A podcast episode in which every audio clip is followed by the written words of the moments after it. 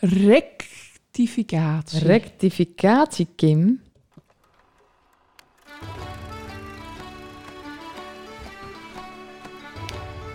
Hallo allemaal en welkom bij de podcast Zonder Naam. Deze podcast wordt opgenomen door, voor en met Volendammers. En wij gaan het hebben over de evenementen die plaatsvinden in Volendam en het algemene rijden en zeilen van ons dorp. Wij zijn Kim en Mandy. En los van ons twee zal er ook af en toe iemand aanschuiven om met ons te praten over de dingen die spelen. We nemen jullie ook mee in onze dagelijkse sleur. En dat doen we lekker in het Volendams. Ja, jij gelijk. Rectificatie, Kim. Nou men, we moeten het even hebben over je band. over mijn band. De titties. ja? En eh, je zei de lessen dat het een andere naam was. Ben het alweer vergeten. Maar het is toch weer een andere naam. Ja, we, ik had, ehm, eh, we hebben trouwens afgelopen zaterdag, eh als hij het optreden had. Ik heb geen idee of het is gaan, want het nemen we eerder dan het het optreden is. het ging zo gaal goed. De telefoon stroomt over van de boekingen. Laten we daar Ja, doe je nou Mainstage Lowlands toch? Ja, ja, ja, ja, zeker. Ja, Alfa. Jawel, jawel. Leuk, leuk. Erg leuk. Eh, Hey, maar wat voor eh, muziek hele afgelopen zaterdag speelt? Nou, onze muziekkeuze is... eh, het is een pop, popgenre, zeg maar. En eh, veel zero's. En ook wel van nou. Ja, in de noemen ze gewoon een paar liedjes, want het is al. Het is al dus nou kan ik wel eh, de setlist noemen. Eh, we hebben gespeeld Raspberry Beret van Prince. Dus dat is allemaal het oude liedje. Eh, we hebben een liedje van de jeugdvertegenwoordiger Maan. Naar de Maan heet dat. En eh, Murder on the Dance Floor. Good God van Anouk. ehm, ja, dat soort. Het is wel de bedoeling dat mensen het gezellig gaan dansen, zeg maar. Ehm, ja, het speelt gewoon erg lekker weg. Hey ja, van Outcast, niet te vergeten. Oh ja. Beetje die hoek. Ehm, dus dat is gewoon erg leuk om te doen, alleen al. Maar eh, zoals in eerdere afleveringen besproken, was de werknaam van de band Shrek Tits. Nou, ik al uitlaat eh hoe of die naam tot stand is komen. Ehm, maar ik was er al lang al gewend. Ik vond het al dik prima zo. Maar toch zag de rest van de band dat niet hard zitten.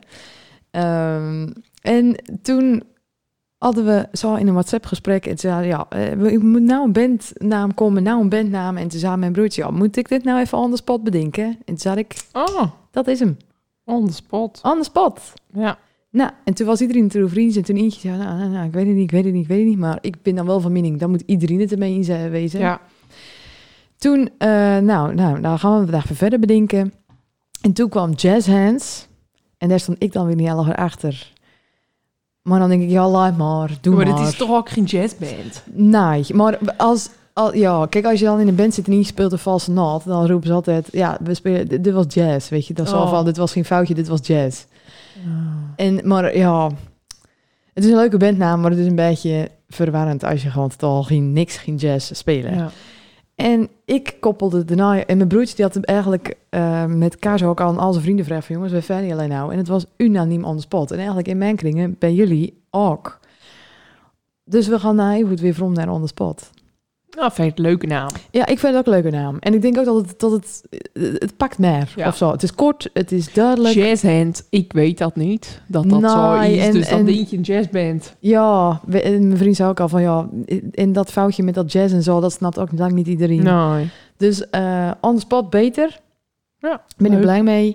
Ehm, En eh, Frank ook zingen. Frank zingt zeker. En dat durft hij alle hard. En dat vond hij allemaal leuk. ja, hij vond het top. nou, nou, mijn broertje die, eh, die, die eh, kent beter zingen dan mij. En die komt al de laatste tijd daarin bij mij los. Die is al wel met zelfverzekerd. Maar die heeft nog dat, nooit zangles gehad of zo. Jawel, les dus. Oh? Oh, ja, oké. ja, ja. Toen we ook echt aan deze band begonnen, toen had ik al van... Dit moet je even even gaan doen, want anders dan krijg je erg veel last van je stembanden. Ja. Vooral, want we zingen op, met sommige nummers zelfs vierstemmig. Want de toetsenist die zingt, de bassist zingt en Frank en ik. Oké. Ehm, maar met meerdere stemmen eh, zingen we ook al erg snel erg oog. En als je dan op de verkeerde manier je stem gebruikt, dan gaat het gewoon niet lekker. Ehm, dus, dat was je rectificatie, dat het van de titties naar on spot is gaan. Ja. Oké. En ik wou even zeggen, weet je nog die podcast met Martin Hoogland? Toen had hij het over eh, planten. Ja. Hoe gaat het nou zo met jouw plant? Deze. Zijn volgers die denken, waar kijken ze naar? Ja, Het is een eh, opgekrulde pra, pra- ja, alsof je een briefje oprollen. Zo binnen ongeveer alle bladeren. Ja, Deze is koud om aandacht. nou, ik dan hem les eens water geef. Toen bleef het gewoon een week lang bleef het water erin staan. Dus hij heeft geen dorst. En er groeit onderaan weer een nieuw blad. Dus, en die oren binnen nog niet bruin. Dat is bijster interessant natuurlijk voor iedereen met of luistert. Dit wil je gewoon weten. Ja. Dus hij, hij moet even acclimatiseren aan de ruimte. Ik denk dat dat het is. Ik, ja, ik oh, geef hij is ook- verhuisd. Hij is verrast. Dus Hij hij, is heeft nou in de waar. Hij is krik, Oh, de schrik zit erin. Oh, doe je wel tegen praat? Tegen die oren wel. Hij wordt een Oh, beetje ja, buitensloten. Ja, dat zie je Ook tegen die meteen. nepplaat. Welk? In die vals? Ja. Nee, daar hoeven dat... eh, Erik zit nou in de bank. Die kijkt dus aan van... Waarom luisteren je nou mensen naar? Ja, dat, maar dat denk ik nou ook al als wij zo over Ja. plant praten, terwijl je niet het ziet. Dus laten we snel weer deze kakelen. Ja, nou, eh videopodcast. Dan kunnen we die planten laten zien. Dan weten mensen waar het om gaat. Ja, nou ga je natuurlijk Al meteen met... iedereen op Spotify luisteren, dus geen ziet die videopodcast. Nou, maar een hele videopodcast zou ik het niet willen noemen. Wij krijgen, we hebben al bekendgemaakt dat er, ze, we hebben nou gaan we de aflevering weer oppakken waarof, eh, met Dirk, zeg maar, waarover de vorige keer uitviel. Ehm, maar de volgende podcastgast is bijvoorbeeld dus Tamara Elbas. En, eh, ik ben niet helemaal dol. ik, jij bent het dol, gek. Ja, ik ben gewoon zenuwachtig en ik heb er zin in. Maar jij wil eh, een nieuw huis bouwen. Want eh, een nieuwe podcastlocatie. Ja. Nou hebben we al of bekend eh, gewoon in jouw woonkamer had. En nou in ieder word je een beetje onzeker. Ja, maar In wil je videopodcasten, in wil je haren. Nou, ik, ik dacht, want we hebben de vorige keer toen ook hier Franklin Waal en eh Jim Ja. van Worldwide Socials. En die danen dat ook al uitleggen wat ze dat danen. En die doen nu dan niet een hele videopodcast gebruiken, maar kleine shots. Ehm werd al verder goed bekeken worden. Dus ik ben gewoon benieuwd of dat zou doen. Niet per se dat wij nou intentie hebben om naar even hoger op te gaan of wat dan ook. Maar gewoon, weer eens daar. Ja, je krijgt wel meer bereik met die reels en zo. Ja, dat. En ja, als we het dan met een gast moeten uitproberen, dan is dat natuurlijk wel Zeker. een erge goeie. En ik heb The Real Housewives of Amsterdam gekeken natuurlijk, want ik ben vliegend gaan kijken. En dan begint ze met, ik zoek een kleine woning in Amsterdam. En dan zat een vriendin van haar, maar ik ben wel benieuwd of jij dan klaar bent. Ja, 200 vierkante meter. ja, en toen, werd, toen begon die persoon aan de telefoon ook te lachen. Ja, maar meid, in Amsterdam is 200 vierkante meter, weet je. Ja, dat ja, bestaat niet. ik heb al 60 vierkante meter nodig voor mijn kleding. Toen dacht ik, ja, ik, ik ben op 75, maar... Maar later in de, in de serie eh, is ze bij de vader en moeder in huis. En toen dacht ik meteen naar jou sturen. Het kennen hier, geen probleem. Die hebben En dat echt is zo'n... nog wel een ouderwets... eh, ja, met eh, alles eh, eikenhout en overal spulletjes en, Ja. en, en tierenlantijntjes en kitje. En, dus daar ben ik nou wel iets Ze geruster in. pittig in de afrol de laatste aflevering. Erg, erg, Ja, erg. ja. Ik denk dat ze het nieuwe seizoen wel weer een contractje krijgt voor. Dat denk ik ook wel. In uh, zit nou mij ook een eigen podcast. Ben ook wel benieuwd wat, waar dat over gaat. Maar dat kennen we Oh. allemaal andere vragen. Oh, ben je ingelezen? Nou, hij is mailde om die afspraak te verzetten. Omdat ze dan bezig was met haar eigen podcast. Oh, dat heb je dat heb ik voor Ja. Dus, eh, maar ze vroeg leest ook al op Instagram eh, informatie over podcast. Wat zei je? Ik ben Kim van Kim en Man van PSDN. Moet je Mandy even een bericht sturen, zei ik tegen nou, ja, het is wel leuk. Maar eh, ik ben ook erg blij dat Dirk eh, vandaag weer komt, want het is een drukke man. Ja, voor hetzelfde geldt trouwens, wordt het videopodcast vooral nog niks, hè? Want dat zal binnen me ook weer. Dan heb ik geen tijd en dan kan ik het niet uitzoeken. En als het dan niet al haar uitgeschreven en uitgewerkt is, dan wil ik het weer niet doen. Blendy. Ja, dus laten we dit even niet vastleggen dat dit gaat gebeuren. Maar het is een idee. Toch? Zeker, zeker. Als je niet wil, moet je het niet doen. Geen stress. Nou, wij gaan eens even inlezen voor eh, Dirk, want die zal er zo aankomen. Ja, is goed. Of zie ik hem nou zo? Hier helemaal. Jeez, hier helemaal. Nou, nou zit hij er weer, Dirk de Huip, de drokste man van Volendam, gewoon bij ons voor de tweede keer. Je bent dus niet de eerste die hier voor de tweede keer is. Dat hebben we dus ook al een keer gehad met Jan Dulles. Ik Dus, hoor nou eh, in het rijtje met Jan Dulles. Jij Ja. hoorde nou in het rijtje van Jan Dulles. Geen verkeerd rijtje. Maar eh, Laat het positief belicht alle haren. de vorige keer dat je hier zat, toen had ik een heel verhaal over hoe druk persoon je bent en dat we zo blij was dat je tijd voor ons hadden kunnen vrijmaken. En toen stond het er niet op. En nou ben je er gewoon weer. Dus dat vinden we wel echt erg lief, erg leuk. nou, dat je nou moet het goed, hè? Nou Ja, moet het goed. Nou gaat het goed. Maar eh, stel je eens voor. Ja, nou, ik ben Dirk. En eh, in een vorig leven was ik handballer. eh, erg lang. Ik ben erg jong begonnen met voetbal en handbal. Toen heb ik gekozen voor handbal. Eh, dat was wel een groot deel van mijn leven.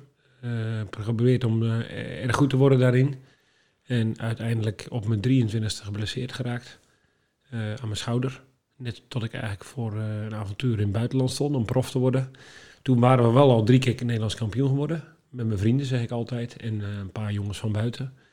Ja, dat was fantastisch om mee te maken. Maar ook eh Europa Cup gespeeld. Een Nederlands team gespeeld. De hele weg van talent naar topper eh, meegemaakt. Achteraf gezien was dat gewoon eh, fantastisch. En vooral, vooral de erkenning die we hebben gekregen als vriendengroep in Volendam. Dat was, dat was ook gaaf. En als je voor handbal kiest, dan was je toch een beetje... In, toen ik helemaal jong was, was je een beetje een nerd. En eh, nou ja, toch wel blij dat we daar een positieve zoek aan hebben kunnen geven. Nou, en ik heb, ehm, even kijken, mijn topsport en studie gecombineerd aan het Johan Cruijff University. Dat was, ik was toen de tweede lichting. Eh Gerry zat in de eerste lichting, een maat van mij. En eh, waar iedereen koos voor de financiële kant, koos ik voor de commerciële kant. Dat vond ik leuk. Dus sportmarketing gestudeerd. En eh, vanuit daar ben ik aan het werk gegaan bij de hoofdsponsor van de club. eh Volendam eh, Succes was dat toen. Piet die benaderde mij. En eh, toen ben ik via vakantiewerk, specialistische schoonmaken, ben ik op kantoor beland, marketingplan gemaakt. En eh, dat was mijn eerste baan. Toen ben ik gaan, eh, daarna gaan solliciteren bij het Johan Cruijff Instituut. En toen was ik twee jaar marketingmanager bij Johan Cruijff zelf. Zeg ik altijd, was mega cool. om Johan persoonlijk te leren kennen. En daar combineerde ik eigenlijk dan eh, nou sport, wat me, topsport, sport en, en, en, en commercie in een functie als marketingmanager voor Nederland. Ik mocht ook regelmatig naar Spanje, naar Barcelona. En daar, daar begon eigenlijk mijn maatschappelijke carrière. Eh, dat was precies in de tijd dat, ik, eh, dat mijn sportcarrière een beetje eindigde. En ehm, toen ben ik daarna voor mezelf begonnen. Na twee jaar Johan Cruijff, toen merkte ik gewoon van... hé, ik wil eigenlijk me meer bemoeien met strategie. En dat mocht bij Johan Cruijff niet.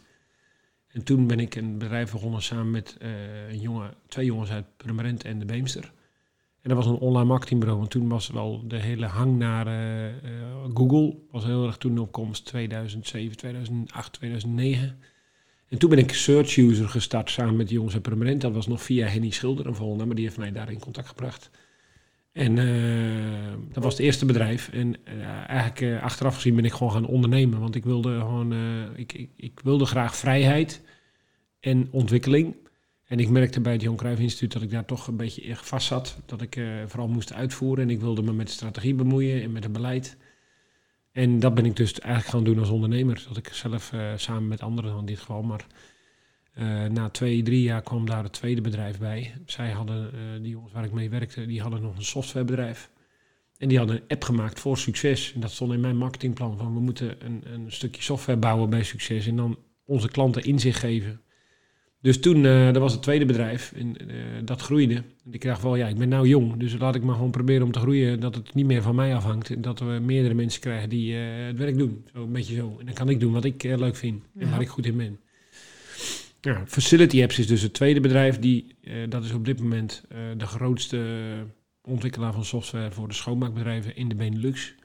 We hebben 300 klanten, eh ik denk 6, 27.000 dagelijks actieve gebruikers, veelal schoonmakers. En die doen dus via de app alles wat ze eh, voor hun werk moeten doen. Afvinken van taken. Dat en is eh, soort niet niks. Superleuk. En eh, ja, eigenlijk was... dat Voor de bij, eigenlijk. Dat begon vooral eh, met, kijk, eh, Schurk, dat heet, de Search heet nu Schurk. eh, want daar zijn nu andere mensen, Patrick Schokker, een andere Volendam jongen, die is daar de baas nu. Die is begonnen als stagiair en die is nu eindverantwoordelijk. Dus die hebben een naamsverandering doorgevoerd. Het was ook tijd, want dit klinkt gewoon veel cooler, Schurk. Ehm, maar eh, met Facility App wilde, we, wilde ik eigenlijk wel heel graag een product wat in de hele wereld gebruikt werd. Echt, met software kun je eh, iets laten schalen. En ik vond het gewoon mega cool. SaaS software, software as a service. Dan betaal je dus per maand een bedragje. En dan uh, iemand uit Puerto, Puerto, Rico kan die app downloaden. En iemand uit Japan. En uh, ja. wij zaten met een paar nerds in Permanent. Ja. En uh, dat dus, dat het in de hele wereld gebruikt zou worden, dat vond ik gaaf. Weet je, dat, dat idee. En dat is ook min of meer gelukt. Want we zijn actief in, weet ik veel, twintig landen of zo inmiddels. Maar ook in, in Rusland actief geweest, in Amerika. In, nou, over de hele wereld wordt diezelfde app gebruikt. Ja, dat is gewoon cool. Ja. Nou, en ehm, toen hadden we op een gegeven moment een mannetje of 40, 50 aan het werk. En toen ja, wij zaten in Purmerend, want mijn jong, compagnon zat in Purmerend. En ja, wat is daar nou uh, te doen? Eigenlijk niets. Uh, dus toen kwam wel een beetje de idee van hoe kunnen we nou zorgen dat, dat ze blijven bij ons bedrijf. Want ik raakte elke keer de beste mensen die konden ergens anders meer verdienen. Dus toen ontstond wel het idee voor een soort van uh, Google. Ik was ook bij Google geweest in Silicon Valley. En ik vond dat mega cool hoe dat daar werkt. En daar zag ik eigenlijk de topsport, de topsporter in mij ook de topsportcultuur. Dat zie je in Silicon Valley ook. Daar werken ze kanonhard, daar werken ze gewoon uh, sommige 20 uur per dag. En dan hebben ze een droom, dan willen ze de wereld, allemaal willen ze de wereld veranderen met een idee. En dan beginnen ze een bedrijf en dan halen ze geld op. En dan willen ze gaan groeien vervolgens. En dan uiteindelijk maken ze een exit. En ik dacht, ja, ik kan dan wel naar Silicon Valley gaan, maar we kunnen ook Silicon Valley gewoon uh, hier bouwen. Dus toen zijn we met Permanent Valley gestart. Mhm. Permanent. En ja, dat, was, dat idee was om, om dus op IT-techgebied, om daar uh, nou, een campus te creëren. Een, een, plek waar mensen graag willen zijn. En te beginnen met de medewerkers. Nou, dat is helemaal uit de hand gelopen. Eerst is het helemaal mislukt. Ik heb echt wel een paar bedrijven gehad, ook een paar ideeën die helemaal mislukt zijn. Maar nou, dit idee was best wel goed, vond ik zelf. En uh, daar is dus uiteindelijk uh, H20, H20 e-sport campus uitgekomen. En ja, de missing link was eigenlijk op een gegeven moment uh, e-sports, gaming. Want IT-tech alleen is een beetje, zitten we weer in de nerdhoek. Dat vindt iedereen wel, uh, ja, dat is een beetje voor, voor nerds. Maar op het moment dat je het met gaming gaat mengen, uh, en een programmeur bij mij, die bracht me op dat idee. En toen ben ik me gaan verdiepen in e-sports. En ik dacht altijd dat ik goed op de hoogte was van alle nieuwe trends en ontwikkelingen in de wereld. Maar ik had eigenlijk nooit e-sports gezien, electronic sports. En toen uh, dacht ik ineens, wacht even, maar dit is en marketing van de toekomst en technologie van de toekomst, gaming. Uh, daar, daar wordt heel veel nieuwe technologie geboren. Maar dit is ook nog een stofsport. En uh, ik zag die gastjes die dan bij ons op een gegeven moment kwamen en die ik kon ontmoeten, ook in het buitenland. En dat zijn dezelfde gastje, datzelfde gastje als wat ik ooit een klein gastje was die een droom had om tophandballer te worden. Ja. En ehm, toen dacht ik, nou, dan moeten we gewoon gaming en e-sport koppelen aan tech en marketing. En daar is dus de campus, de H20 e-sport campus, de H20 e-sport campus. Nou, ik vond dat de vorige keer toen, uh, toen zei je van, uh, morgen moet ik naar de diploma-uitreiking. Maar ik dacht, diploma-uitreiking, hoezo? Maar dat vond ik zo mooi aan dat H20, dat je dan eigenlijk met kinderen met, hoe noem je dat, kansarmen of ja, zo. met een rugzakje. Kinderen met een rugzakje, die laat je dan door middel van gaming, laat je ze gewoon uh, een diploma halen of zo. Dan leiden ze met de middel van gaming. Ja, ja dus eigenlijk bij, ik kwam bij toeval bij e-sports en op een gegeven moment toen ging dat, toen ging dat rollen en ja, puzzelstukje voor puzzelstukje kwamen bij elkaar. En dat is nu dus een, een concept geworden, een ecosysteem, waarbij we eigenlijk e-sports gebruiken als net een topsport die inspireert, e-sports die inspireert, maar uiteindelijk om mensen in beweging te krijgen. Dus jonge mensen die hebben een passie voor gaming. Gaming gaat niet meer weg. We denken nog steeds van gamen is slecht. Maar gamen heeft ook gewoon heel veel goede kanten. Alleen je moet, het in, je moet de mensen wel een lampje la laten aangaan. Hun, weet je, dus als ze een passie kunnen vinden. Ja. Uh, ik denk dat dat de key is. De key is denk ik uh, hoe ik ooit door iemand ben meegenomen naar een handbaltraining. En toen ontdekte ik eigenlijk van, hé, hey, die bal. En ik stuitte er zo voorbij. Na drie weken was ik beter als de jongen die mij meenam, bij wijze van. Ja. En dan hoef je niet meer aangezet te worden, hoef je niet meer aangespoord te worden. Dan ga ik zelf op zoek naar, hey, what's next? Weet je, dan wil ik beter worden. Nou, datzelfde heb je nu, dat zie ik in ieder geval bij die gastjes. Die vinden gamen leuk. Die, ze doen niks anders dan gamen. Maar hoe maak ik nou dat ze in beweging gaan komen? En dat noemen wij nu dan Gaming Impacting World. Dus positieve impact. Van gaming naar topsport. Dus als je echt goed bent, en wij krijgen elke week mailtjes van uh, moeders en van kinderen die zeggen: Ik ben de volgende Fortnite uh, pro. Nou, daar, ik vind dat moet je omarmen. Die passie moet je harder en sterker maken. En je moet ze dus begeleiden en gaan trainen en coachen. En er was eigenlijk geen plek in de wereld die ik had gezien waar het zo werd aangevlogen van... Jij kan Fortnite, maar wist je ook dat dit kan en wist je ook dat dat kan? Maar is er dan een trainer in of zo? Daar, daar zijn Cursus trainers in. in. Ja, dat, dat is er dus nog niet echt. Dus dat, dat, dat ontwikkelen wij. Dus wij Ja. op woensdag kun je nu op acht plekken in Nederland, want vanuit H20 hebben we nog een bedrijf gestart. Samen met Pathé. En hebben nu op, op zeven plekken in Nederland hebben we e-sport gaming clubs. Feitelijk kun je dat zien als een sportclub, maar dan wel met als doel. Je kan voor de breedte sport heen, dus je kan gewoon lekker gaan gamen met je vrienden. Maar dan in een, in een coole omgeving. Maar op woensdagavond kun je naar de Fortnite training. En dan kun je dus je Fortnite skills verbeteren. Nou, dan ineens gek, wordt het dus... eh, Echt een hele wereld waar we geen weet van hebben. Niks, nou, dit, niks. dit is dus als je in Purmerend komt nu bij ons. Wij hebben dus eh, wij hebben gedacht, oké, we kunnen nou wel een eh, gamingclubje beginnen. Maar straks gaat iedereen een gamingclubje beginnen. Dat zie je nu ook overal gebeuren. Maar wij willen dan wel de lat hoog leggen. Dus wij hebben gezegd, dan willen wij nummer één worden in West-Europa op het gebied van gaming en met name e-sports. Nou, dat hebben, die lat hebben we dus, en dat heb ik weer in de sport geleerd. Je moet gewoon hoge doelen stellen. En als je dan halverwege komt, dan ben je al best wel ver. Dus ehm, ja, ik wilde ooit profhandballer worden, maar ik wilde ook de Olympische Spelen halen. Mm. Ja, dat is niet gelukt, maar dat betekent niet dat ik mislukt ben. Nee. Eh, ik heb wel lange tijd van de profhandbal is, dat is echt wat ik wil. Nee, maar ik wilde eigenlijk op de dijk staan met mijn vrienden en kampioen worden van Nederland. Ja. Daar was eigenlijk mijn reis klaar. Ja. Dat was voor mij eigenlijk genoeg achteraf.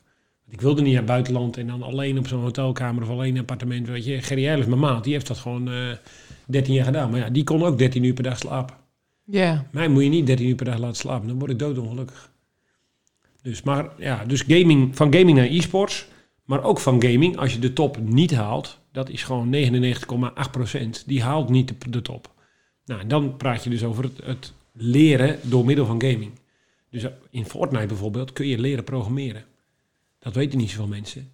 Maar met Minecraft kun je leren 3D tekenen, kun je leren eh, problemen oplossen. Kun je best wel veel skills leren. Nou, op moment, en dat zie je, dat noemen ze game-based learning.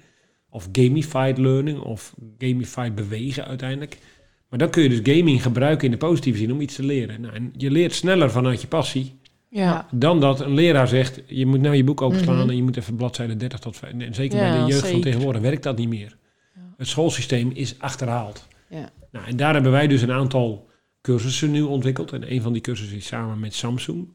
Eh, want er zijn best wel grote bedrijven die nu interesse hebben in ons project. eh, van eh, Rabobank, KPN, eh, echt grote merken. Cool. Want die willen... Ik vond nou net, zei hij tussen neus en lippen dit Pathé. paté. Toen Ja. was ik al van, wow, paté. Maar eh, even Samsung en KPN, oh, noem maar Nou, op. die, dat, dat is wel het coole van dit. Dat al dat soort bedrijven die komen naar ons toe. Wij gaan nu met bol.com gaan we het Nederlands kampioens, allround kampioenschap gaming organiseren in april. Dat moet nog bekendgemaakt worden. Maar dat gaat in april, Spoiler. mei gaat dat lopen.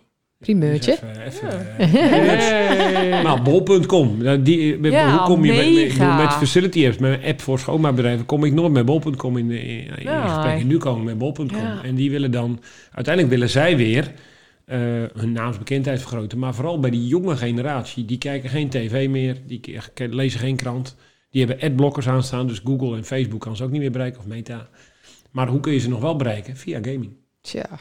Nou, dat, dus gaming naar topsport, dat is een, een, een, een, een van de pijlers. Van gaming naar tech-ontwikkeling en van gaming naar sport. Want ja, ik, ik ben helemaal geen gamer, ik ben een sporter. Dus Ja. ik vind het ook erg interessant om te zien hoe kan je nou door middel van gamification kinderen weer meer laten bewegen. Dus als mensen bij ons komen voor een vergadering of voor een kinderfeestje of voor een bedrijfsuitje, dan gaan ze gamen in virtual reality. Of ze gaan racen in zo'n race sheet, in zo'n coole race sheet. Maar ze gaan ook eh, even op de wand, in de interactieve wand, gaan ze met een bal gooien of schieten. Ja. En Dan komen de kinderen, dan ben je toch in beweging. Ja. Met VR ben je met een bril op en je doet Beat Saber, dan moet je op, op, eh, op ritme moet je blokken stuk slaan.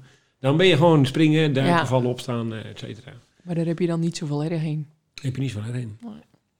Dus ja, dat is eh Age 20. En dat is nu, kijk, ik ben eh, dus eigenlijk, ik heb, we hebben meerdere bedrijven opgezet. We hebben ook het pand permanent gekocht, dus we hebben ook nog een stukje vastgoed. Dat doen we met een superleuke club mensen. We hebben nu, eh nou, weet ik veel, 200, 250 man in dienst. Met, met Go Gaming erbij. En ik ben, eh, ik heb een soort van eh, vrije rol, want dat is wel waar ik, ik heb altijd gedacht van, nou, een beetje ook met eh search use, met Schurk, facility apps. Mijn kracht ligt niet in dat bedrijf echt groot maken. Dan, dan, dan, dan, ehm, ik ben gewoon niet goed in de details bijvoorbeeld. Nou, en als je op een gegeven moment groeit als bedrijf en je krijgt meer mensen, dan moeten eh, processen goed, structuur moet goed, je moet v- overleggen met elkaar. Er komt een managementlaag tussen, eh, allerlei fases waar je doorheen gaat. En ehm, ja, ik, ik heb daarin altijd wel gedacht, eh, wat, wie, waar, waar, waar komen mijn kwaliteiten nou best Jij wil het, eh, het idee even opzetten en dan... Nou, even op, het is wel wat meer, want het is wel van een idee naar eh, dat verbinden met, met, met mensen. Het, het- echt het verbinden van een idee met mensen, met een product. Met, eh, en, de- en dan die pionierfase om dat idee dan eh, tot leven te laten komen. En dan anderen moeten dat dan, ja, dan heb ik echt anderen nodig die dat groter maken en sterker. Dus bij Search User Schurk is dat Patrick Schokker nu. Eh, maar mijn compagnon Matthijs Vink, waar ik mee samen heb gespeeld bij het Nederlands team, die doet dat bij Go Gaming nu, bij het merk wat we met Pathé voeren. En bij Facility Apps heb ik mijn, mijn compagnon van het eerste uur, Johan de Punder uit de Beemster, die is dagelijks met die code bezig. Ik, kan, ik weet niks van software. maar hoe ziet jouw weken nou zo uit? Nou, eh, eigenlijk is het best op de rit, want we hebben de laatste jaren, eh, wij zijn dat H20 gestart in eh, september 2019. Toen zijn we gaan verbouwen. We hebben dus een stadion, een gamingstadion in Purmerend. Je verzint het niet, maar het is echt zo. Pand van 10.000 vierkante meter. En toen waren wij klaar met verbouwen in maart 2020. Toen kwam corona. Ja. Dus de Ja. laatste twee, drie jaar stond echt in teken van eh, overleven. Zes keer een lockdown voor ons, zes keer alle activiteiten Tja. eruit, stadion dicht, eh, gewoon horror. Ja. Hebben we ook wel wat schulden opgebouwd, want eh, we hebben ook, eh, hadden ook een horecabedrijf opgezet in het pand, samen Mhm. met Denny van Noorden. Nou, die heeft het niet gered. Dus we hebben ook echt wel mislukking gehad. Eh, je komt ook gewoon op de weg, het is niet allemaal, maar het klinkt allemaal heel cool. Maar ik heb ook gewoon eh, behoorlijk wat schulden opgebouwd. Maar we hebben wel nu, afgelopen jaar 2023, was voor het eerst alle bedrijven plus. Alle bedrijven een goed businessmodel, alle bedrijven gezond. Dus weet je, bedrijfseconomisch zit het eh, uiteindelijk goed. We hebben de pand gekocht, weet je. Dus, maar daar was het niet om te doen. H20 is vooral, kijk, eh, Schurk en Facility Apps heb ik opgezet. Eh, Schurk wilde ik ondernemer worden. Eh, daar wilde ik wel topprestaties in marketing. Dus ik wilde wel presteren en niet maar gebakken lucht verkopen. Dus ik wilde toppositie in Google. Dat leidt tot traffic. Traffic leidt tot conversie. Dus ik, de euro's die ik kost, dan moet de, de klant die moet meer euro's terugkrijgen. Dat was het idee. Weet je, de topsporter in mij die in het bedrijf zat. Facility Apps, de app in de hele wereld. Dat leek mij cool. Een keer een schaalbaar bedrijf opzetten die nou ja, eh, meer eh, geld waard wordt. Want abonnementen, dat is veel meer geld waard dan een urenbedrijf. Nou, dat, dat is gelukt. En toen dacht ik, ja, nou eh, die campus, dat is wel meer een soort van legacy. Van als dit een plek kan worden waar mensen komen die, jonge mensen die dan iets vinden en dat ze denken, wow, dit is cool. En dat ze dan eigenlijk de volgende stappen zetten in hun leven. En dat kan inderdaad een cursus zijn, maar dat kan ook een idee voor een nieuwe start-up zijn. Want die jongens die nu komen, die jongeren, die snap ik al niet meer. Want die Ja. komen dan met dingen, met een YouTube-kanaal of met een stukje software wat ze hebben gebouwd. Of weet je, de gekste dingen komen voorbij. Dat je denkt, hoe verzinnen ze dit? Dat, dan ben ik alweer oud. En dan- die komen dan en die gaan de volgende, hopelijk de volgende Google neerzetten bij wijze van. Ja, dat, dus een beetje dat idee, dat dat, dat dat bij ons geboren gaat worden. Ja. Nou, en daar zitten nu eh 10 start-ups, 20 bedrijven in ons pand. En, er zitten een paar juweeltjes tussen waarvan ik denk, wow, dit, is- dit, wordt echt echt slim bedacht, dit wordt echt groot.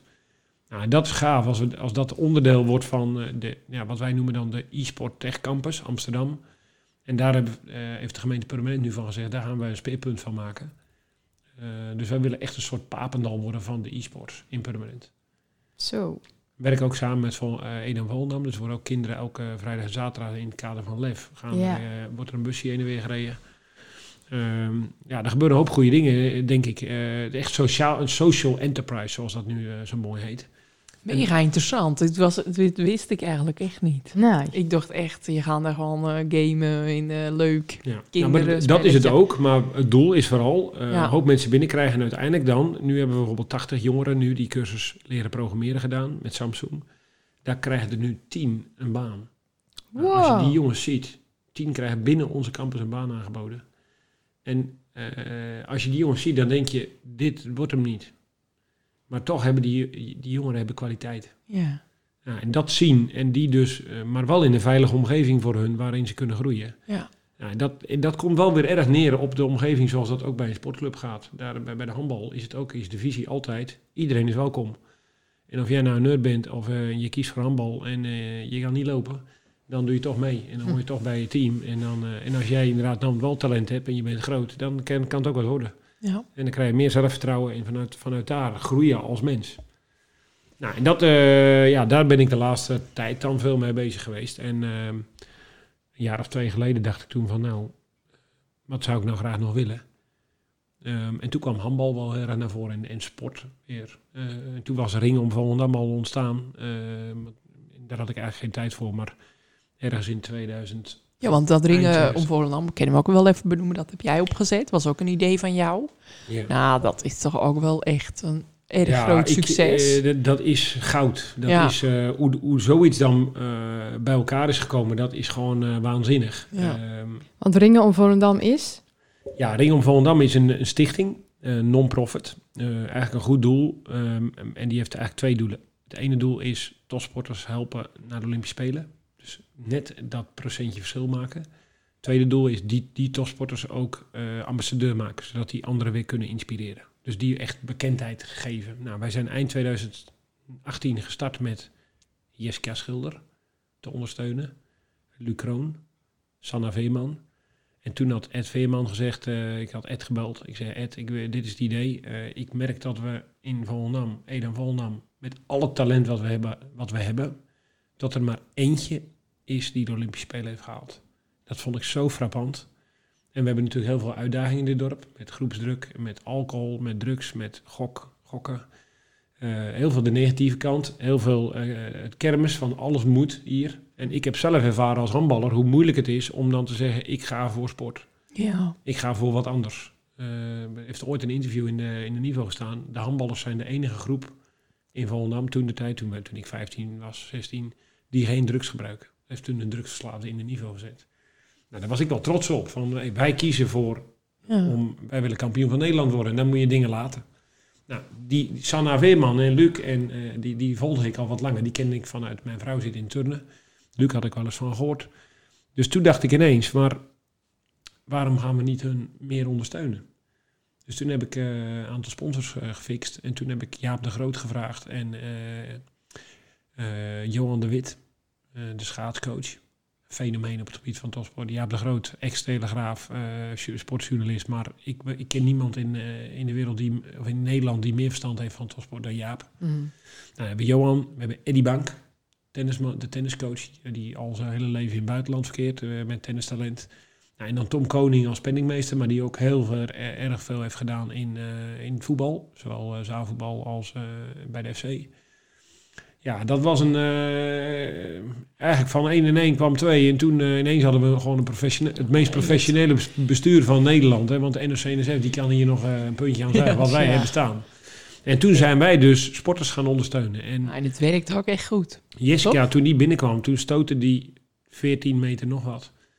En nou eh, boven de 20 en is ze meerdere keren Nederlands kampioen. Is ze derde op het WK outdoor, derde op het WK indoor. Is ze eh, naar de Olympische Spelen geweest. Want zij was de tweede ooit die naar de Olympische Spelen ging. Debbie Bond, eh, misschien was die dan twee of drie, eh, samen met Jessica, maar die gingen naar Tokio samen. Debbie heeft eerst, die heeft geen ondersteuning eh, nodig gehad. Die heeft altijd gezegd, ik, heb, ik krijg genoeg geld als prof. Eh, maar Debbie is inmiddels dus bestuurslid geworden. Ja. Nou, Als ik dan ergens trots op ben, dan is dat het. Dat dus Ja. iemand die zo, die, als je dan praat over de Olympische Spelen, die heeft één keer het op één doelpunt niet gehaald met het team. De tweede keer is ze op nou, de week voor de Spelen niet geselecteerd, terwijl het hele traject had ze meegemaakt. En toen werd ze tot verrassing van iedereen niet geselecteerd. Shit. En de derde keer wel de Olympische Spelen meegemaakt. D- als je dan zo iemand nu in je stichting kan hebben, dat is, eh, ook voor die sporters, is dat, ik bedoel, eh, waanzin. Ja. Dus dat staat als een huis. En eh, ja, Sanna Veerman maakt echt kans. Die is met het team gekwalificeerd. Die moet nu in het team turnen. Dan mag ze mee naar Parijs. Luc Kroon eh, zit op dit moment in Australië. Maakt ook nog kans. Die gaat in april terugkomen. Dan moet hij kwalificeren. ergens in die periode. Eh, en dan hebben we nog nu een nieuwe een turner erbij. Die is nog niet zo bekend. Maar Leon Etterton. Die eh, is, de turnheren zijn geplaatst. Hij is nu ju- junior. Hij wordt in maart senior. Die kan zomaar via de achterdeur zich plaatsen. Net als Merel Konijn dat eigenlijk twee jaar, twee, eh, Bij de vorige Olympische Spelen op 1 honderdste heeft hij de Spelen gemist. Want dat is waar we over praten. Topsport gaat Ja, om de details. Ja. Dus waar wij mee ondersteunen, dat is in een uur meer rust op een dag. Van hoe zorgen we dat je een uur meer, meer kan rusten, zodat jouw training beter wordt. Jouw meer kwaliteit hebt. En nou ja, als je elk individu nagaat, of het dan Merel is, of je gaat naar Jill de Groot, beachvolleybalster, of je gaat naar Luc. Eigenlijk zijn het allemaal helden, heldenverhalen. Het is, eh, is ook met de ouders erbij. Het is aan de ene kant heel heftig, topsport. Maar dit is echt topsport. Tja. Dit is echt vij- 30, 35 uur in de week. We kunnen ons geen voorstelling maken van hun leven. En van de opofferingen die zij doen. En, Ze eh, trainen gewoon zeven uur per dag. ze, ja, ze, ze zijn zeven uur per dag met hun sport bezig. Ja. En eh, nou ja, dat, dat was dan, dat, dan komt zo'n idee binnenvliegen. En toen dacht ik op een gegeven moment, ja, nou kan ik hier wel niks mee doen. Maar dit ligt hier en dit moet, eh, dit moet zo zijn, dat we hier wat mee gaan doen. Want hier moet verandering in komen. Het kan toch niet zo zijn dat wij in Volendam maar eentje op de Olympische Spelen hebben gehad. En dat was Carla Braan in 1976. Dus Waar- waar slaat al dit op? jouw eh, handbal, eh, topsport in je stage, in je werk bij Johan Cruijff, in deze mentaliteit. Dat doe je dan toch zo alle een beetje ondernemerschap. Nou probeer Komt wel- alle ja, een ik- beetje Ik samen, vraag me dan wel toch? af van, eh, is dit nou, hoort dit nou bij mij of niet? Maar het voelde wel als iets van, nou, eh, het, dat komt dan tot je. En als ik dan, dat- inderdaad, ik gooide hem bij Tom Koning in de, erin en bij Eddie, eh, bij Eddie Bank. En die enthousiast. En dan en één komt het ander. En op een gegeven moment denk je, ja, maar wacht even, we gaan dit echt doen. Ja, leuk. En eh nou staat het als een huis. Het is nu vijf jaar onderweg. En we Ja. zijn eh, gezond. En we, we, we maken echt dingen mogelijk. En ja, die, die bestuursvergaderingen, we, we hebben er maar twee per jaar of zo. Het is erg schaal. Het is, het is niet dat ik elke dag hiermee bezig ben. Maar wat wel gebeurt, is die sporters maken van alles mee. En je wordt wel een soort vert- vertrouwenspersoon ook van zo'n sporter. Ja. Dus die deelt wel, en dat vind ik wel gaaf, om onderdeel te zijn van hun reis. En ehm, ja, ik denk dat we zomaar twee, drie Olympische kunnen hebben in Parijs. Jeetje, dat zou toch. Allemaal hebben, van een dorp. Dat is Ja. bijzonder. een rendement van. eh, en we hebben natuurlijk wel een aantal voetballers gehad in het verleden. En nu ook natuurlijk weer Joey. Kijk, Joey is echt wereldtop aan het worden. Hè. Dat, dat beseffen we ook niet altijd. Maar, Prachtig. en we, we- weet je, wat we zien is niet altijd wat er op- de achtergrond gebeurt. Want er zit een hele wereld achter. Ja. Voor Joey is het ook niet zomaar even vanzelf gaan. Die heeft natuurlijk wel een mega talent. Maar het is niet zo met alleen talent, dan kom je niet zo ver. Hè. Nee, het is gewoon keihard werk. Maar buiten het werk om ben je zelf ook een echte sportman. En volgens mij ook je kinderen. Want jouw vrouw is ook een topsporter. Sarah, top van ja. tunnen. Ik heb eh, min, of meer door de sport mijn vrouw leren kennen. Want eh, Sarah stond nooit in een niveau. Die had een interview. En toen dacht ik, hé, deze moet ik hebben. Oh, echt? Ja. In ieder geval, dat vond ik interessant. Van, Ja. dit is een gelijkgestemde. Ja. Eh, dus toen ben ik gewoon eh, min of meer op afgestapt in de bar. Toen ik een keer in de bar was. En, eh, want het een kwam het ander. Maar Sarah Dat was, was dan niet, denk Sarah ik ook het unicum dat jullie alle twee in de bar was. Ja, maar Sarah was net in die Hmm. periode een beetje gestopt met eh turnen zelf. Die werd toen turntrainster. Maar ja, we hadden wel allebei een passie, een passie voor, voor sport en dan met name topsport. En dat is nog steeds wat, eh, ja, wat ons wel verbindt, weet je. Dat blijft, eh, Ja. of het nou, weet je, als Olympische Spelen, dan kijken we Olympische Spelen. Als er schaatsen is, kijken we schaatsen. Weet je, dit is, het is wel sport voor en sport na. Ja. Want jullie hebben ook twee kinderen. Die allebei handbal, toch? Ja, mijn eh, dochter, die ging eh, doen wat de moeder altijd deed. Dus die ging turnen. En mijn zoon, die zei, eh, ik ga doen wat pa altijd deed. Maar die heeft mij nooit zien spelen. Dus dat was wel, ga- dat was wel grappig.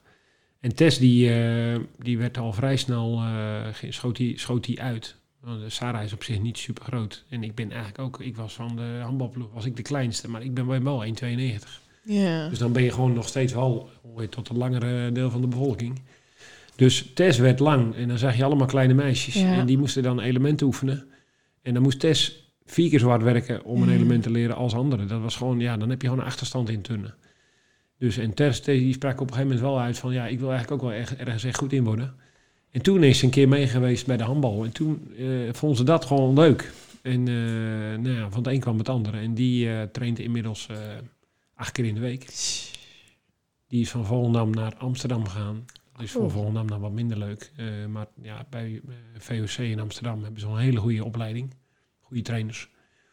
En daar ben ik dan inmiddels ook eh, een beetje betrokken geraakt als trainer. Want ik ben op een gegeven moment gevraagd om eh assistentcoach eerst van Ricardo Clarijs. Dat is de assistent bondscoach. Maar die is bondscoach bij de jeugd, dames. Dus ik ben twee jaar geleden meegeweest als assistent bij de eh, Open EK, zoals dat heet. Dat is dan met een nieuwe lichting onder 16, de beste meisjes onder 16 jaar. En afgelopen zomer ben ik eh, bondscoach geweest van de onder 17 meiden bij de Jeugd Olympische Spelen. Dus ben ik toch Mega. een soort van Olympische Spelen. eh, Ja, je bent er toch. Het is een Jeugd Olympisch Festival, maar nou, ontzettend gaaf voor die. Ontzettend dankbaar voor die kans en ontzettend gaaf om mee te maken. Maar ook daar weer jonge meiden die, ja, eh, die wereldtop willen worden en daar eh, alles voor opzij zetten. Daar, daar, ik heb wel wat met mensen die, dat, die datzelfde nastreven, die dus Ja. hoge doelen hebben. Ja. En die dan ook in de spiegel durven te kijken en met alles wat daarbij komt kijken. Want dat is niet makkelijk. Want je krijgt continu kritiek, feedback. Eh, dat gaat, je, wil, je wil continu grenzen verleggen. Het is elke keer opzoeken, oké, hoe kan ik weer naar het volgende level feitelijk. Ehm, nou, mijn zoon die ging aanballen en die aanbalt ook. En dat is, die doet alles op gevoel en op intuïtie. Ik, ik, ik was denk ik een beetje een combinatie van... ehm, ik was ook wel heel erg op mijn intuïtie, op, op, eh, op gevoel eh, en, en talent. Maar ik wilde ook wel erg hard werken. En ik had eigenlijk niet echt een geschikt lichaam. Fysiek was ik gewoon niet super sterk om eh, internationaal top. Dan speel je tegen gasten die allemaal 100 kilo zijn of meer. En die allemaal 2 meter zijn. Ja, dan moet je iets anders tegenover stellen. En ja, lichamelijk was ik gewoon, ik had best vaak blessures. Eh, maar ja, ik heb wel het Nederlands team uiteindelijk gehaald. En eh, inderdaad kampioen van Nederland. En ik was aanvoerder van het team. Weet je, dat, dat, dat neemt niemand aan me af. En dat zou ik, zou ik weer opnieuw doen. Tja. Maar handbal is eh, wel weer een, ook een, een onderdeel van mijn leven. Ja, maar je hebt nou ook een Volendam weer werd opgezet met handbal. Om Ja. 7 uur Ja, s ochtends, ook de topsport. Ja, we hebben, ik was het eigenlijk niet helemaal eens met hoe Kras Volendam omging met de jeugdopleiding. Ehm, en met mij ook een aantal eh, vrienden die ook zeiden, hey, eh, dit, dit kan beter. En dan is het in zo'n club, waar eh, toch wel wat heilige huisjes zijn, zeg maar. Wat mensen die, al, die zich zo lang, zo hard inzetten als vrijwilliger. En daar wil ik ook ehm, niks verkeerd over zeggen, want dat is gewoon wat een club een club maakt. Mhm. En tegelijkertijd zag ik ook wel dat er een. ehm, ja, in, in de sport zie je steeds meer voetbalscholen ontstaan. Zie je steeds meer professionaliteit gevraagd worden. In de turnen is het normaal dat je eh 2000, eh, 3000 euro per jaar een contributie betaalt. Ja. Dat komt omdat er dan professionele trainers op kunnen staan. Die gewoon hun werk hebben van het turnvak. Eh, Sarah was, is al tien jaar, al langer dan tien jaar, is die die, haar werk is turntrainster. Nou, in het handbal is dat tot nu toe nog niet echt veel het geval, behalve dan bij de heren 1. En ik vind dat daar bij de jeugd eh, hetzelfde moet gebeuren. Want wil je dat, wil je zeg maar top, top worden, streef je de top na, dan moet je de beste begeleiding hebben. Nou, de beste begeleiding krijg je niet van een vrijwilliger. Die het even na zijn werk doet. Nee, die krijg je van iemand die daar dedicated mee bezig is. Nou, Ja. en toen ik ook internationaal weer kwam als coach, toen zag ik gewoon, hé, hey, er ligt een, een soort eh, vrij veld voor individuele personal training. Dus eigenlijk net als wat je in de sportschool ziet. Je kan zeg maar een abonnement nemen en dan ga je één keer in de week of nul keer in de week en dan ben je weer een maand verder.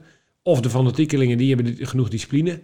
Of je kan een personal trainer nemen en dan staat er iemand klaar die zegt wat je moet doen. Ja. Nou, dat hebben we min of meer in het handbal opgezet. Dus dat is de Tom Schilder handbalschool. Handbalschool, moet ik zeggen. Eh, Tom Schilder was eh, eh, toch wel de beste handballer die wij ooit hebben gehad, denk ik. Als je kijkt naar dekking en aanval en hoe lang die eh, het heeft volgehouden. En met alle prijzen, alle prijzen een beetje gewonnen die er te winnen vallen. En ehm, ja, we hebben die, die, die school naar hem vernoemd. Eh, hij sponsort dat ook. Eh, nog een aantal andere vrienden en oud-handballers die sponsoren ook. En daardoor kunnen we dus personal handbaltraining aanbieden. En dan krijg je dus hele individuele aandacht om schijnbeweging te leren, te leren schieten, eh, echt techniek, aan je techniek werken. En dan zie je dus gewoon dat je in een uurtje best wel veel kan bereiken. En ehm, nou ja, daar lo- lopen inmiddels om zeven uur s ochtends dan een mannetje of 10, 15 elke ochtend.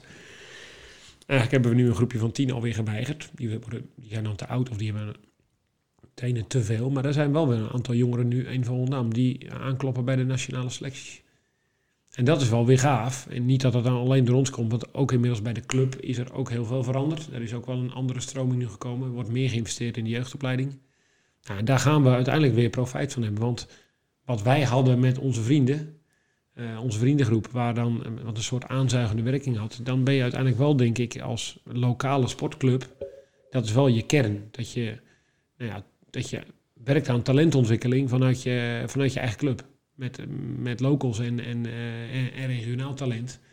En die probeert eh, in dat eerste te krijgen. En dat gaat niet lukken met alleen maar volnummers. Dat klopt. Net als bij de FC gaat dat niet lukken. Dat is een utopie. Maar er zit wel buitengewoon veel talent in dit dorp. Dus er gaat altijd weer talent opstaan. Alleen die moet je wel de juiste, op de juiste manier inspireren, begeleiden, Ja. helpen. En, en ja, dan kunnen zij ook hun droom, dromen realiseren. Ja. Ik kan alleen maar zeggen, je bent lekker bezig. Op alle Ja, het is, het is vooral ook leuk. Het is, het is gewoon fantastisch. En morgenochtend is het eh, dan natuurlijk, voor mij is het ook vroeg. En dan denk ik ook, Ja. hé, hey, daar gaat hij weer. Maar als, je, eh, als ze uiteindelijk dan binnenkomen lopen om zeven uur, dan... Is er weer Ah, die dat is energie. toch gaaf als zo'n, ja. eh, Daar krijg je die- energie van. Ja, dat, Ja. daar krijg je, dat- je krijgt er erg veel weer van. Ja, leuk. ja, ja, ja, ja, ja. We gaan door naar de vragen, want eh, aan de hand van eh, een zonnetje hadden we op eh, Insta en Facebook gezet. Toen binnen een paar eh, vragen binnenkomen. Moet ik niet meer riedeltje zetten? Ja, zet jij je riedeltje maar in. Vragen en dilemma's. Maar de, ja, bij aan de hand van de vragen merk je ook echt hoe goede ondernemer je bent. Super intelligent. Nou, gaatje. Binnen weer een paar pareltjes. binnen weer altijd binnen die vragen. Dat gaat zo dom. Ik zal beginnen. Jenny Smit vraagt: Wat is Dirk zijn lievelingssteen? Mijn lievelingssteen. Ik vind de amethyst. Amethyst? Ja, Een, eh, leuke vraag. ja, mooie vraag. Anne Tuyp vraagt: Bestaan er ook slechte Dirken? Anne heeft natuurlijk zelf ook een Dirk. Slechte Dirken. Ja, met mijn naam is er sowieso wat. Hè, want mijn ouders die hebben me ooit Dirk genoemd. Maar toen is dat eh, in de wieg veranderd naar Dick. Nou, ik zou Ja. dus lesjes tegen Kim. Ik zeg, heet die nou Dick of Dirk? Want op Facebook staat er ook, of op Insta, een van de twee, Dick met de zaakjes Dirk. En Ja, daar zit een heel verhaal aan vast. ik heb dus ook, eh, toen ik ondernemer werd, heb ik best wel veel aan persoonlijke ontwikkeling gedaan. Leiderschapsprogramma's en nog wel een aantal dingen. En toen op een gegeven moment een van die coaches in dat programma, die zei, je hebt het de hele tijd, moest ik mijn levensverhaal vertellen aan de groep. En ehm, toen had ik het de hele tijd over Dirk. Maar toen heette ik Dick. Dus ik ben altijd Dick geweest. Dick Tuip, Dikkie. Eh, dat, was een beetje mijn roepnaam. En toen zei die coach, maar je hebt het over Dirk. En toen zei hij, eh, het is wel raar. Ga dat nou eens checken bij je ouders, zei hij toen. Toen ben ik naar mijn ouders gegaan, was ik gewoon 23 hè, of 24. En ik zeg tegen mijn vader en moeder, ik zei, hoe zit dat nou eh, met Dirk, eh, Dirk en Dick? Toen zeiden ze, nou, dat is grappig dat je dat zegt, want jouw ge- geboortenaam is Dirk. Alleen in de wieg vonden ze dat zo dom. Dus Dirk, Dirk tegen een kleine baby, dat Ja. ze er Dick van hebben gemaakt. En, maar mijn bab was dus ook Dirk. Mijn vader is Dick. En ik ben dus vernoemd naar mijn bab, maar het werd dus Dick. oké. En toen zei die coach bij de afsluitende sessie, toen hij mijn certificaat overhandigde, toen zei hij, moet ik er nou Dick of Dirk op zetten? Wie ben je nou echt? En toen werd je weer Dirk. En toen zei ik, nou, als ik het me nu toch mag zeggen, dan eh, ben ik Dirk. Oké. Alleen Dick is ook goed. Ja. Dus dat zeg ik nu tegenwoordig als mensen dit zeggen. Ja, ik zeg het is allebei goed, maar eh, vanaf nu ben ik gewoon Dirk. En ik, ik ging toen ook wat meer eh, naar buitenland en zo. Dan is Dirk ook wel handiger. Dan is Dick iets ja, minder ja, ja, handig. ja, ja. Dus, eh, maar goed, eh, het was wel eh, het was Grappig. grappig omdat zo... eh, alleen dan eh, op Twitter ben je dan Dick Tuip en overal ben je dit. Dat is nog best een dingetje. Je naam Ja. veranderen als je 24 bent. Ja, inderdaad. Gerry Tol vraagt: eh, Wie zijn je beste kermisvriendinnen en wanneer heb je het hardst gelachen met kermis? Jezus.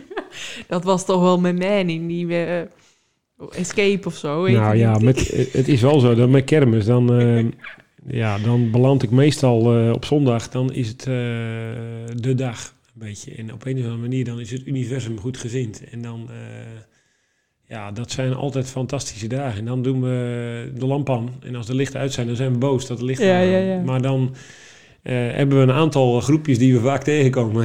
En Geri is daar één van. En dan, eh, ja, ik heb, ik heb al nog een paar filmpjes in mijn telefoon van, eh, van elk jaar eentje. Maar dan eh, is het echt even lang leven de lol. Dat is... eh, Ik is zo laag, want je hadden die, hoe heet nou die eh, op de Europaplaan? Dat ding, hè? ja, de, dit was een soort escape... escape, ding of zo, daar moest je toen in. En daar wou ik zo graag heen, maar ik stond met Geri. Heet met dat niet. Lost of zo? Lost, ja, dat was Lost. En toen kwam Dirk aan in eh, Joey Duin. Nou, die is best wel groot. Ik zeg tegen... Het havenhof, zou, het ha- zou ja, Bill zeggen. Echt. En toen zei ik tegen haar vrouw, die moet mee. En vooral Joey, die moet echt mee. Toen hebben we toch zo lachen, want die zag gewoon allemaal vast in dat ding. Ja, In die gang. Hier in die gang. Moest je tegen Hij zat echt vast, hè? Hij zat tussen die spellen. Maar ik hield ook die spellen dicht. Dus dan zat Ja. hij gewoon te, te vechten. Jeez. Ook nou, half dronken. eh, ja. Echt op het eind, eind van de dag. Die was daarna ook zo gevlogen. Jeez. Dat was wel erg grappig. Nou, we gaan door naar de dilemma's. Ja, is het meteen in, inhaaldilemma? Oké. H20, schurk, facility apps of go gaming?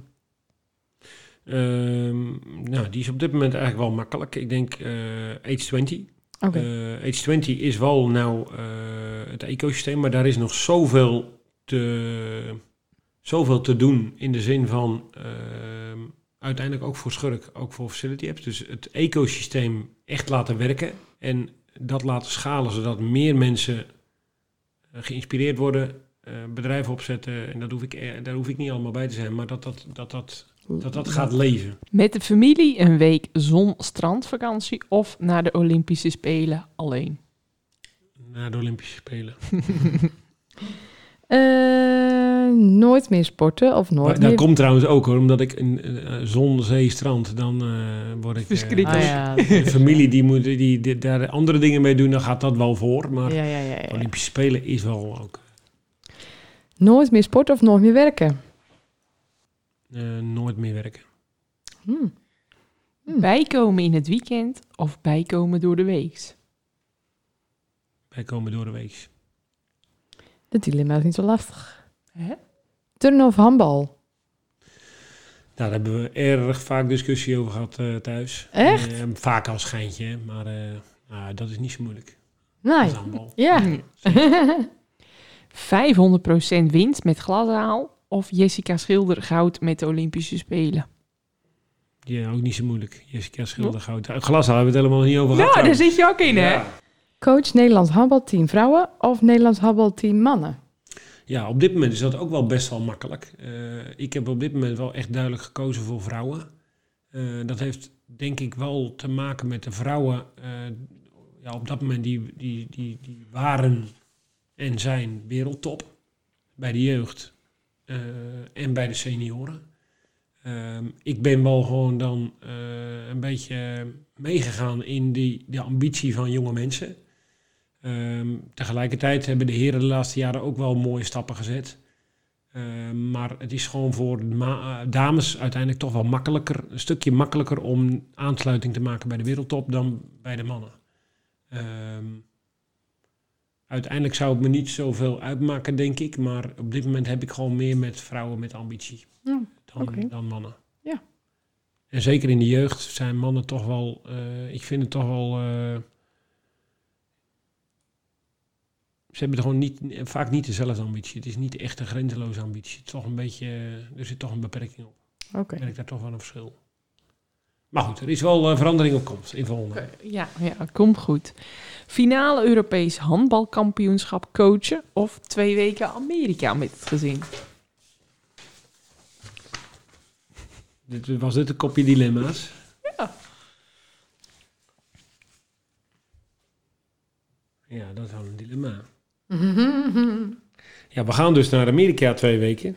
Ehm, ja, dat wordt. eh, ik, kijk, de kinderen zijn nu op een leeftijd geworden dat ze dit echt gaan onthouden. En wij hebben, Ja. Ik heb dat samen met Sarah gedaan. En eh, Amerika gewoon meemaken in het algemeen. Dat is eh, toch wel. Voor mij was het een life, life, life-changing experience. Dus ik ben in Silicon Valley geweest, ik ben in New York geweest, ik ben in Dallas geweest. Best wel veel delen van Amerika gezien. En dan met andere doelen dan alleen maar vakantie. Vakantie is dan toch weer anders dan dat je daar voor business heen gaat. Ja.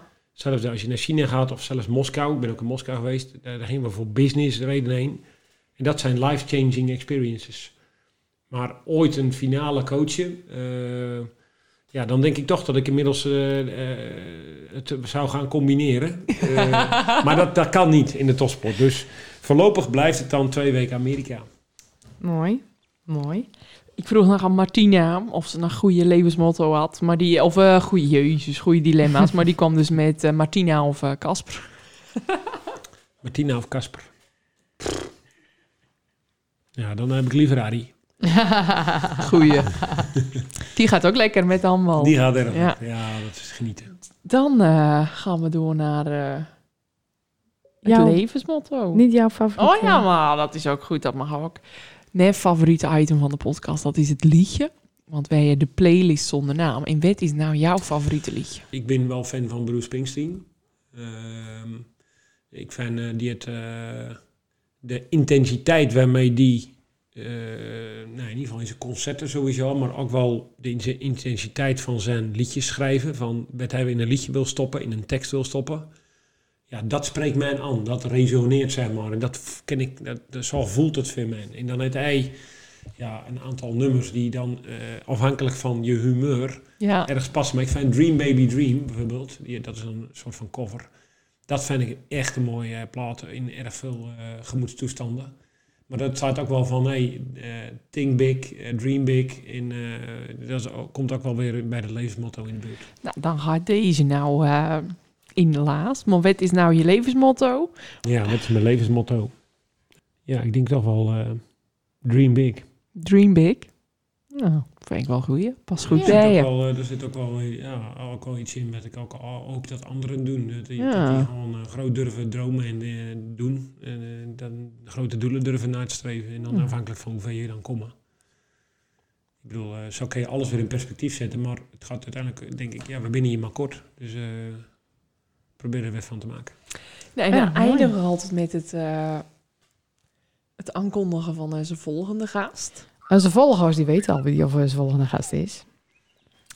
Want ehm, het is een eh Volendammer vrouw.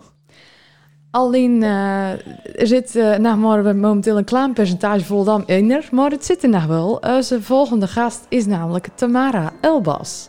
Even serieus. Ja, op dit moment eh, wel bekend van de serie The Real Housewives of Amsterdam op Videoland te zien. En eh, Kim die heeft er met een, eh, met een gekke bek een, een berichtje gestuurd. En ze zei, wat leuk, ik kom. Tamara heb ik mee in de klas gezeten. Nee. Op de Don Bosco. Nou, ik eh, toen nou, eh, op de basisschool. Op basisschool. In de Jozefschool. En eh, ja, die heeft wel een heel ander pad bewandeld. Zeg Ja. dan ik dat heb. Maar ook wel een pad. Dat, ja, zij was altijd wel, eh, hoe noem je dat? Excentriek of Excentriek, uitgesproken. Of, Extravagant. eh, maar, Ja. maar niet zo erg zoals het nou is. Dus die heeft ook wel... ehm, ik ben wel benieuwd. Werd het, het, werd het bij eer nou de...